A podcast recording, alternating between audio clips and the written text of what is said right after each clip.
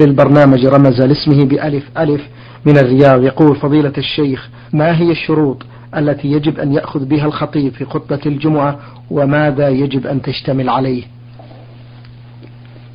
الحمد لله رب العالمين وأصلي وأسلم على نبينا محمد وعلى آله وأصحابه ومن تبعهم بإحسان إلى يوم الدين الجواب على هذا أن يعلم أن خطبة, العظيم أن خطبة الجمعة خطبة عظيمة هامة أمر الله تعالى بالسعي إليها فقال تعالى يا أيها الذين آمنوا إذا نودي للصلاة من يوم الجمعة فاسعوا إلى ذكر الله وذروا البيع ذلكم خير لكم إن كنتم تعلمون فإذا قضيت الصلاة فانتشروا في الأرض وابتغوا من فضل الله وأثنى الله سبحانه وتعالى على من قام بها وصلى فقال قد أفلح من تزكى وذكر اسم ربه فصلى وحرم النبي عليه الصلاة والسلام الكلام حال الخطبة وأوجب الاستماع إليها فقال صلى الله عليه وآله وسلم إذا قلت لصاحبك أنصت يوم الجمعة ولم يخطب فقد لغوت وقال الذي يتكلم يوم الجمعة والإمام يخطب كمثل الحمار يحمل أسفارا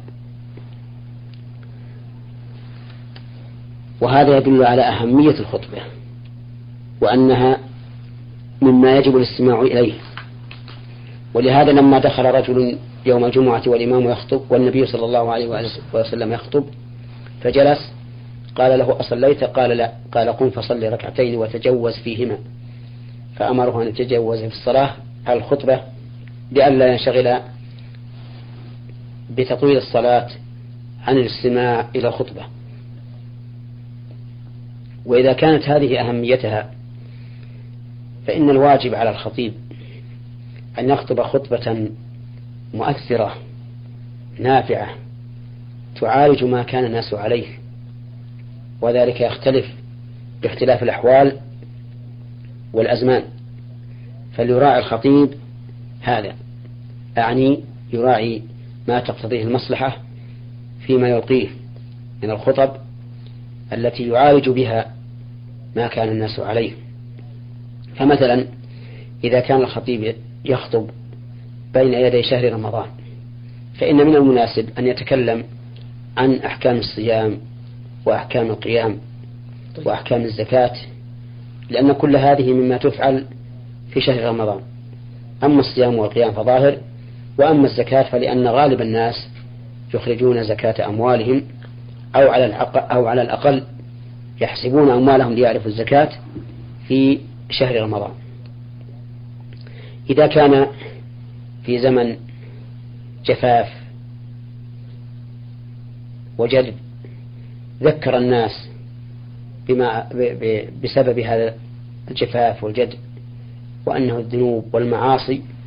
كما قال تعالى ولو أن أهل القرى آمنوا واتقوا لفتحنا عليهم بركات من السماء والأرض ولكن كذبوا فأخذناهم بما كانوا يكسبون إذا كان في زمن غفلة من الناس عما ينبغي أن يقبلوا عليه من العبادة والعلم وما أشبه ذلك ذكرهم بما يفيدهم في هذا إذا كان في زمن حرب ذكرهم بما يناسب الحال إذا كان في إذا كان في وقت يكثر فيه الوافدون إلى البلد كالبلاد السياحية أو بلاد أو البلاد ذات المشاعر ذكرهم بما يناسب حال هؤلاء الوافدين حتى يحملوا معهم إلى أقوامهم ما ينتفعون به هذا هو أهم ما تجب مراعاته بالنسبة للخطيب أما آداب الخطبة فإنها كثيرة منها أن يكون الخطيب قويا في في خطبته مؤثرا منفعلا حسب ما يسوق من المعاني حتى يؤثر على الناس استيقاظهم واستيعابهم لما يقول وشد ضمائرهم وقلوبهم إليه لينتفعوا بهذه الخطبة أما أن يلقيها إلقاء كما يلقي آه، كما يلقي أي كتاب يقراه فإن هذا قد يجلب النوم للمستمعين بخلاف الذي ينفعل ويتفاعل ولهذا قال قال جابر بن عبد الله رضي الله عنه وعن أبيه كان النبي صلى الله عليه وآله وسلم إذا خطب مرت عيناه وعلى صوته واشتد غضبه حتى كأنه منذر جيش يقول صبحكم ومساكم وكذلك أيضا ينبغي للخطيب أن يبدأ في مقدمة الخطبة بالأهم فالأهم فمن ذلك حمد الله عز وجل في أول الخطبة وهو ركن من أركان الخطبة فيحمد الله عز وجل ويثني عليه بما هو أهله ومن خير ما تفتح, تفتتح به الخطب خطبة الحاجة إن الحمد لله نحمده ونستعينه ونستغفره ونعوذ بالله من شرور أنفسنا ومن سيئات أعمالنا من يهده الله فلا مضل له ومن يضلل فلا هادي له وأشهد أن لا إله إلا الله وحده لا شريك له وأشهد أن محمدا عبده ورسوله يا أيها الذين آمنوا اتقوا الله حق تقاته ولا تموتن إلا وأنتم مسلمون يا أيها الناس اتقوا ربكم الذي خلقكم من نفس واحدة وخلق منها زوجها وبث منهما رجالا كثيرا ونساء واتقوا الله الذي تساءلون به والأرحام إن الله كان عليكم رقيبا يا أيها الذين آمنوا اتقوا الله وقولوا قولا سديدا يصلح لكم أعمالكم ويغفر لكم ذنوبكم ومن يطع الله ورسوله فقد فاز فوزا عظيما ثم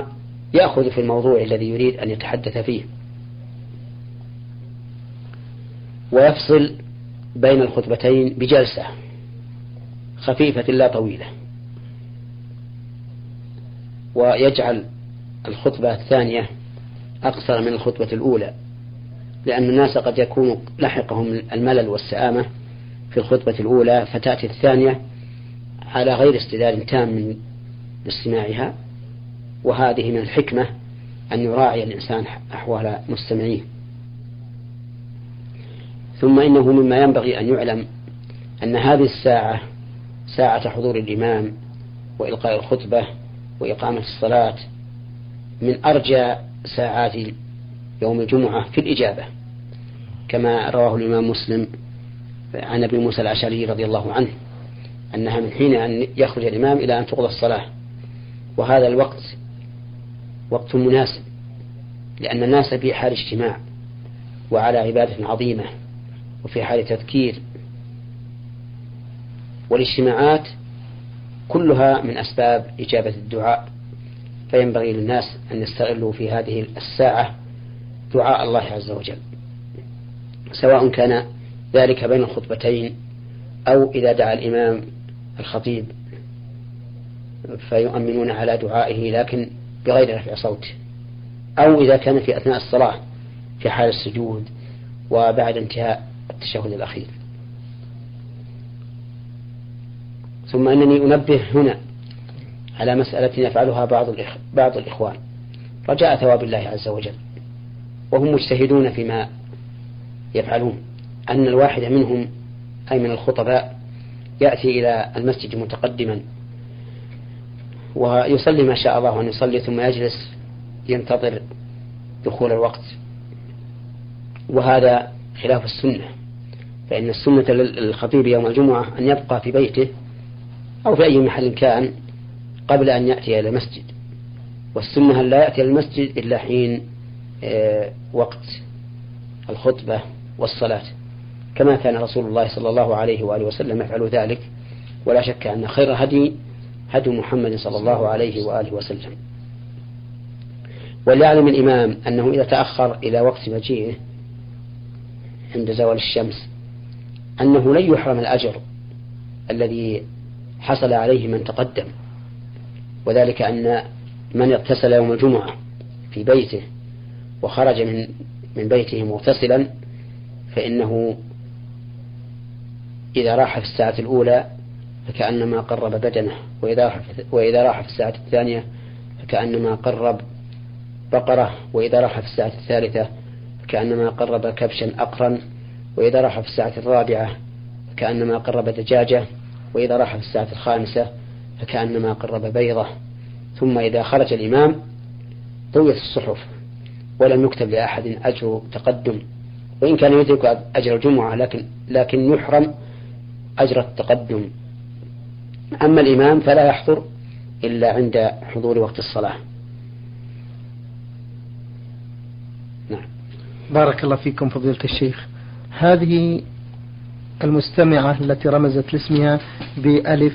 ميم تقول في هذا السؤال فضيلة الشيخ أرجو توضيح وبشكل مفصل قضية متى يعذر الإنسان بالجهل ومتى لا يعذر به من ناحية العقيدة والأحكام الفقهية مأجورين هذا السؤال سؤال هام سؤال عظيم لا يتسع المقام لذكر التفصيل فيه لأنه يحتاج إلى كلام كثير قد يستوعب هذه الحلقة كلها وزيادة ولكن على سبيل الإجمال لدينا آيات من القرآن وأحاديث عن رسول الله صلى الله عليه وآله وسلم تدل على أن الإنسان معذور بالجهل في كل شيء لكن قد يكون مقصرا في طلب العلم فلا يعذر وقد تبلغه الحجة ولكنه يستكبر ويستنكف فلا يعذر في هذه الحال فمن الآيات الدالة على أن الإنسان معذور بالجهل قوله تعالى ربنا لا تؤاخذنا إن نسينا أو أخطأنا فقال الله تعالى قد فعلت وقال الله تعالى وليس عليكم جناح فيما أخطأتم به ولكن ما تعمدت قلوبكم وقال الله تبارك وتعالى وما كنا معذبين حتى نبعث رسولا وقال تعالى وما أرسلنا من قبلك إلا رجال نوحي إليهم فاسألوا أهل الذكر إن كنتم لا تعلمون وقال الله تعالى وما كان الله ليضل قوم بعد إذ هداهم حتى يبين لهم ما يتقون وقال الله تعالى وما كان ربك مهلك القرى حتى يبعث في أمها رسولا يتلو عليهم آياتنا وما كنا مهلك القرى إلا وأهلها ظالمون وقال الله تعالى وما كان ربك ليهلك القرى بظلم وأهلها مصلحون والآيات في هذا المعنى عديدة وكذلك السنة فقد روي عن النبي صلى الله عليه وآله وسلم أنه قال إن الله تجاوز عن أمتي الخطأ والنسيان أو عفي عن أمتي الخطأ والنسيان وما استكره عليه ولكن قد يكون الإنسان مقصرا في طلب العلم بحيث يتيسر له العلم ولكنه لا يهتم به ولا تفت إليه وقد يكون الإنسان مستكبرا عما بلغه من الحق فيبين له الحق ولكنه يقول إنا وجدنا آباءنا على أمة وإنا على آثارهم مهتدون كما يوجد من كثير من العامة المعظمين لكبرائهم من أمراء أو علماء أو غير ذلك يستنكفون عن الحق إذا دعوا إليه وهؤلاء ليسوا بمعذورين والمسألة مسألة خطيرة عظيمة يجب التأني فيها والتريث وربما نقول لا يقضى على كل لا يقضى فيها قضاء عاما بل ينظر إلى كل قضية بعينها فقد نحكم على شخص بكفره مع جهله وقد لا نحكم عليه والناس يختلفون في مدى غاياتهم في الجهل منهم الجاهل مطلقا جهلا مطبقا لا يدري عن شيء كأنه بهيمة ومنهم من عنده فطنة وحركة فكر لكن عنده استكبار عن الحق ومنهم من بين ذلك فعلى كل حال الجواب على وجه عام آه، فيه نظر ولكن آه، تذكر قواعد وتطبق كل حال على ما تقتضيه هذه الحال نعم بارك الله فيكم هذا المستمع إلى البرنامج عبد الواسع اليماني يقول في هذا السؤال بأنه إنسان متزوج آه، قبل وفاة والدي كنت لا أصلي الصلوات المفروضة الخمسة وكنت أيضا أعمل المعاصي ثم بعد وفاة والدي هداني الله إلى الطريق المستقيم وأصبحت أصلي وأعمل الخير وأحافظ على الواجبات فما الواجب علي لكي أكفر عن ذنوبي الماضية وأريح ضميري أرجو من فضيلة الشيخ إجابة الإنسان إذا تاب إلى الله توبة نصوحا فإن الله تعالى يقبل توبته ويعفو عن سيئاته مهما عظمت قال الله تعالى وهو الذي يقبل التوبة عن عباده ويعفو عن السيئات وقال تعالى قل يا عبادي الذين أسرفوا على أنفسهم لا تقنطوا من رحمة الله إن الله يغفر الذنوب جميعا إنه هو الغفور الرحيم فإذا تاب الإنسان من ذنبه مهما عظم فإن الله يتوب عليه ولكن ليعلم أن للتوبة شروطا لا بد من تحققها وهي أولا الإخلاص لله عز وجل بأن ينوي بتوبته الرجوع إلى ربه من معصيته إلى طاعته ولا ينوي بذلك التزلف إلى البشر أو التقرب إليهم أو الجاه أو المال أو ما أشبه ذلك بل تكون توبته خالصة لله وحده طلبا للنجاة من عقابه والوصول إلى ثوابه الثاني الندم على ما مضى منه الندم على ما مضى منه من التقصير في الواجب أو انتهاك المحرم وقد يشكل هذا الشرط على بعض الناس لأن الندم انفعال نفسي فكيف يمكن للإنسان أن يتصف به والجواب على ذلك أن نقول المراد بالندم أثره أي أن يظهر عليه الأسى والحزن على ما مضى من ذنبه فهذا هو الندم الثالث أن يقلع عنه في الحال أن يقلع عنه أي عن الذنب في الحال فلا تصح التوبة من ذنب مع الإصرار عليه لأن التوبة من ذنب مع الإصرار إليه نوع من الاستهزاء بالله عز وجل مثال ذلك لو قال أنا أتوب إلى الله عز وجل من غيبة الناس ولكنه لا يزال يغتابون فكيف نقول إن هذا توبته صحيحة لو قال أنا أتوب إلى الله من أكل الربا ولكنه لا يزال يأكل الربا فهذا لم يتوب لو قال أتوب إلى الله من ظلم الناس وهو لا يزال مستوليا على أموالهم بغير حق وما أشبه ذلك فإن توبته لا تصح مهما فعل لأنه لم يقلع عن الذنب الشرط الرابع أن يعزم على أن لا يعود إلى الذنب في المستقبل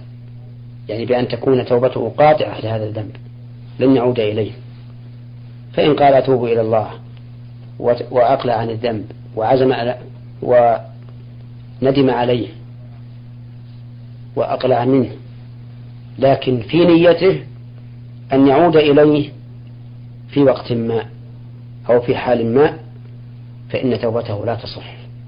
لا بد أن يعزم على أن لا يعود فإن قال قائل عزم أن لا يعود لكن غلبته نفسه فعاد هل تبطل توبته الأولى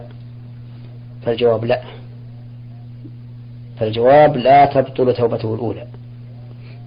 لأنها تحققت التوبة بعزمه أن لا يعود وهذا هو الشرط وليس الشرط أن لا يعود بل العزم على أن لا يعود وبينهما فرق ظاهر فإذا تاب إلى الله من ذنب توبة نصوحا ثم عاد إليه فإن توبته الأولى لا تبطل ولكن عليه أن يجدد توبة لفعل الذنب مرة أخرى الشرط الخامس لقبول التوبة أن تكون في أوان القبول أي في وقت قبولها لأنه يأتي على الناس أو على الإنسان نفسه زمان لا تقبل منه التوبة فإذا طلعت الشمس من مغربها لم تقبل التوبة لقول الله تعالى هل ينظرون إلا أن تأتيهم الملائكة أو يأتي ربك أو يأتي بعض آيات ربك يوم يأتي بعض آيات ربك لا ينفع نفسا إيمانها لم تكن آمنة من قبل أو كسبت في إيمانها خيرا وذلك طلوع الشمس من مغربها فإن الشمس إذا طلعت من مغربها آمن الناس كلهم ولكن لا ينفع نفسا إيمانها لم تكن آمنت من قبل أو كسبت في إيمانها خيرا وكذلك التوبة فإنها لا تنقطع التوبة لا تنقطع الهجرة حتى تنقطع التوبة ولا تنقطع التوبة حتى تخرج الشمس من مغربها وإذا حضر الأجل لم تقبل التوبة لقول الله تعالى وليست التوبة للذين يعملون السيئات حتى إذا حضر أحدهم الموت قال إني تبت الآن ولا الذين يموتون وهم كفار فإذا عاين الإنسان ملك الموت فإنها لا تقبل توبته لأن هذه لأن هذه توبة ليست عن رغبة بل توبة مضطر فلا ينفع ولهذا لما أدرك فرعون الغرق قال آمنت أنه لا إله إلا الذي آمن إلا الذي آمنت به بنو إسرائيل وأنا من المسلمين فقيل له آل آن يعني آل آن تتوب وقد عصيت قبل وكنت من المفسدين فاليوم ننجيك ببدنك لتكون لمن خلفك آية فأنجاه الله ببدنه وأظهره من أجل أن يكون آية على موته وهلاكه لبني إسرائيل الذين أرعبهم حتى يتيقنوا أنه مات فالمهم أن أنك مهما عملت من الذنب إذا تبت إلى الله تعالى توبة نصوحا فإن الله يتوب عليك بل إن الله يحب التوابين ويحب المتطهرين نعم بارك الله فيكم هذه مستمعة للبرنامج تقول فضيلة الشيخ هل يجوز أن تلبس المرأة آه، اللبس الأسود الشرعي في حالة إحرامها للحج بدل اللبس الأبيض علما بأنها تلبس ذلك من بيتها وهل نساء الرسول صلى الله عليه وسلم أو نساء الصحابة كن يلبسن اللبس الأبيض في حالة الإحرام أرجو الإفادة المرأة إذا أحرمت ليست كالرجل يلبس لباسا خاصا إزارا ورداء بل المرأة تلبس ما شاءت من الثياب التي يباح لها لبسها قبل الإحرام فتلبس الأسود والأحمر والأصفر والأخضر وما شاءت أما الأبيض فلا أعلم أن المرأة مطلوب منها أن تحرم بأبيض بل إن الأبيض في الحقيقة من التبرج بالزينة فإن لباس الأبيض المرأة يكسوها جمالا ويوجب انطلاق النظر إليها لذلك كونها تلبس اللباس الأسود مع العباءة أفضل لها وأكمل ولها أن تلبس الجوارب شراب الرجلين أما القفازان شراب اليدين فإنه لا يجوز لها لبسها وعليها أن تغطي وجهها إذا قرب الرجال منها لئلا ينكشف أمام الرجال الأجانب الذين ليسوا من محارمها وفي هذه الحال تغطي وجهها ولا يضرها إذا مس بشرتها خلافا لقول بعض العلماء الذين يقولون إنها تغطي وجهها بساتر لا يمس آه، بشرتها فإن هذا القول ضعيف لا دليل ولا دليل عليه ولكنها لا تنتقل لأن النبي صلى الله عليه وآله وسلم نهى المحرمة أن تنتقل والحاصل أن لباس المرأة إذا أحرمت يكون السواد أو ما, أو ما أشبهه مما يبعد النظر إليها نعم تقول المستمعة هل يجوز للمرأة أن تزكي عن نفسها أم يزكي عنها زوجها علما بأن ليس لها مال غير الحلية من الذهب أو غير آه، بعض الذهبات وإذا كان لديها مال هل تزكي منه أم يزكي عنه الزوج أرجو بهذا إفادة الزكاة واجبة على الإنسان نفسه إذا ملك النصاب من المال الزكوي وحلي المرأة من الذهب أو الفضة من الأموال الزكوية فيجب على المرأة إذا بلغ حليها نصابا من الذهب يجب عليها أن تزكيه وفيه ربع العشر فإن قام زوجها عنها بزكاته فهو مشكور على ذلك ويجزئها وإن لم يقم فإن كان عندها مال زكت منه وأبقت الذهب على ما هو عليه وإن لم يكن لها مال فإنها تبيع من الذهب بقدر الزكاة وتخرج الزكاة فإن قال قائل إذا أوجبتم عليها الزكاة فإنه على مر السنين سوف لا يكون عندها حلي فالجواب على هذا أن نقول إن هذا, إن هذا الحلي إذا بلغ قدرا ينقص به عن النصاب فلا زكاة فيه وحينئذ لا يمكن أن تردم الزكاة كل الحلي أما مالها غير الحلي فهي أيضا تزكيه هي ولكن إن شاء زوجها أن يزكي عنها فلا حرج نعم نختم هذا اللقاء الطيب المبارك من برنامج نور على الدرب بهذا السؤال للمستمع محمد ألف من القصيم يقول هل صحيح أن للعلم زكاة وهي بذله للناس وتعليمهم إياه نعم يجب على العالم أن يبين علمه للناس إذا احتاجوا إليه سواء بالإجابة على أسئلتهم أو ببيان ببيان العلم إذا احتاجوا إذا احتاج الناس إليه وإن لم يسألوا لقول الله تعالى وإذا أخذ الله ميثاق الذين أوتوا الكتاب لتبيننه للناس ولا تكتمونه فنبذوه وراء ظهورهم واشتروا به ثمنا قليلا فبئس ما يشترون وهذا الواجب يسميه بعض العامة زكاة زكاة العلم التعليم وزكاة المال الصدقة وزكاة الجاه الشفاعة وما أشبه ذلك من العبارات وما أشبه ذلك من العبارات التي يقولها العامة